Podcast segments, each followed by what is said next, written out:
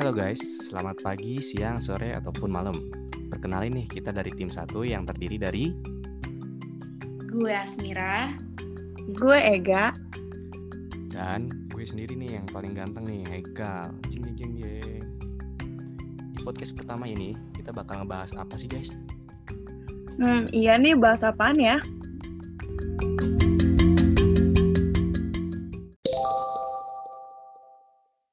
Nah, episode pertama ini kita mau bahas salah satu platform e-learning nih guys. Pas banget kan tuh e-learning emang lagi rame diperbincangkan. Bahkan lagi banyak yang gunain sekarang. Iya juga ya. Mungkin salah satunya karena sekarang semuanya harus dilakuin dari rumah, termasuk belajar. Nah, mungkin banyak juga nih teman-teman yang dengar belum tahu e-learning itu apa sih? Coba deh dijelasin secara singkat.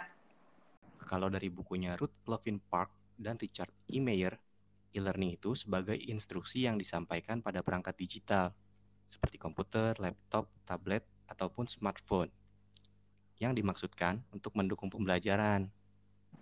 Jadi intinya e-learning itu suatu sistem atau konsep pendidikan yang memanfaatkan teknologi informasi di dalam proses belajar mengajar. Hmm, nah, di sini kita mau bahas salah satu contohnya guys, yaitu Moodle.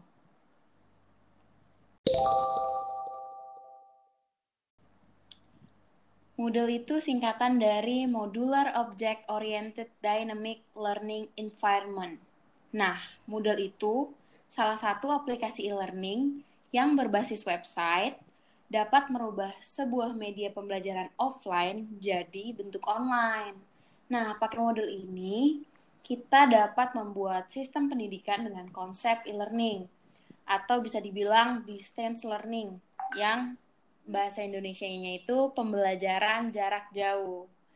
Dengan konsep ini, sistem pembelajaran bakalan nggak terbatas ruang dan waktu.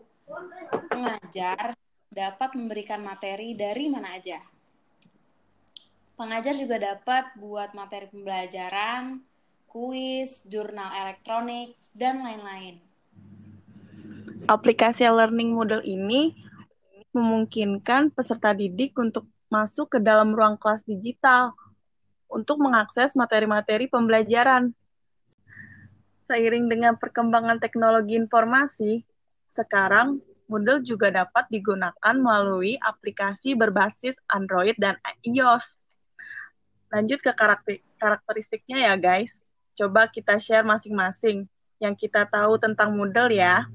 Di Moodle ini, pada metode pendaftarannya bergantung pada ketentuan ditetapkan oleh si administrator web. Biasanya ada tiga metode pendaftaran yang umum digunakan yaitu pengunjung atau dosen mahasiswa harus menghubungi administrator untuk dibuat akun Moodle. Pengunjung juga dapat mendaftarkan mulai Moodle menggunakan akun email institut.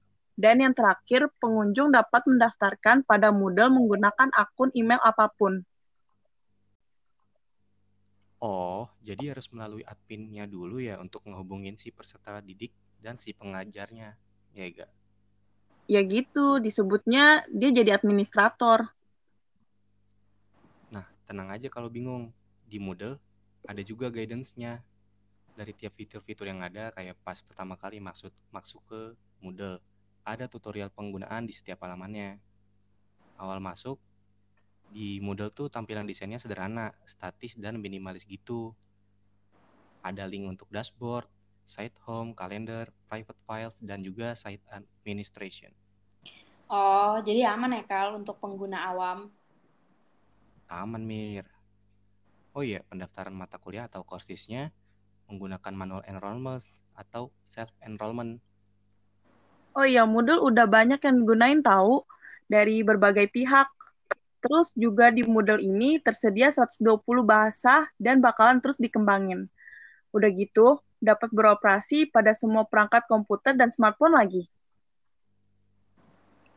Oh, makin gampang dan lebih fleksibel dong ya. Iyalah, jelas. Mempermudah pengajar sama peserta didik juga pastinya. Tersedia tingkatan peran penggunaan yaitu pengelolaan situs, terdapat peran administrator situs, manajer, dan pengguna terdaftar. Sedangkan pada pengelolaan mata kuliah terdapat peran dosen dan mahasiswa.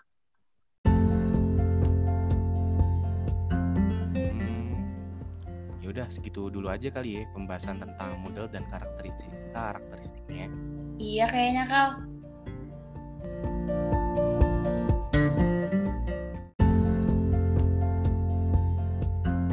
Bakalan ada episode selanjutnya nggak nih?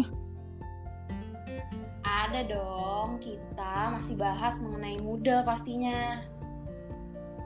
Oke, ya udah kalau gitu deh. Sekian untuk bahasan episode pertama ini. Sampai jumpa di episode selanjutnya ya guys. Terima kasih guys. Dah. Makasih guys. Dadah. Terima kasih guys. Dah.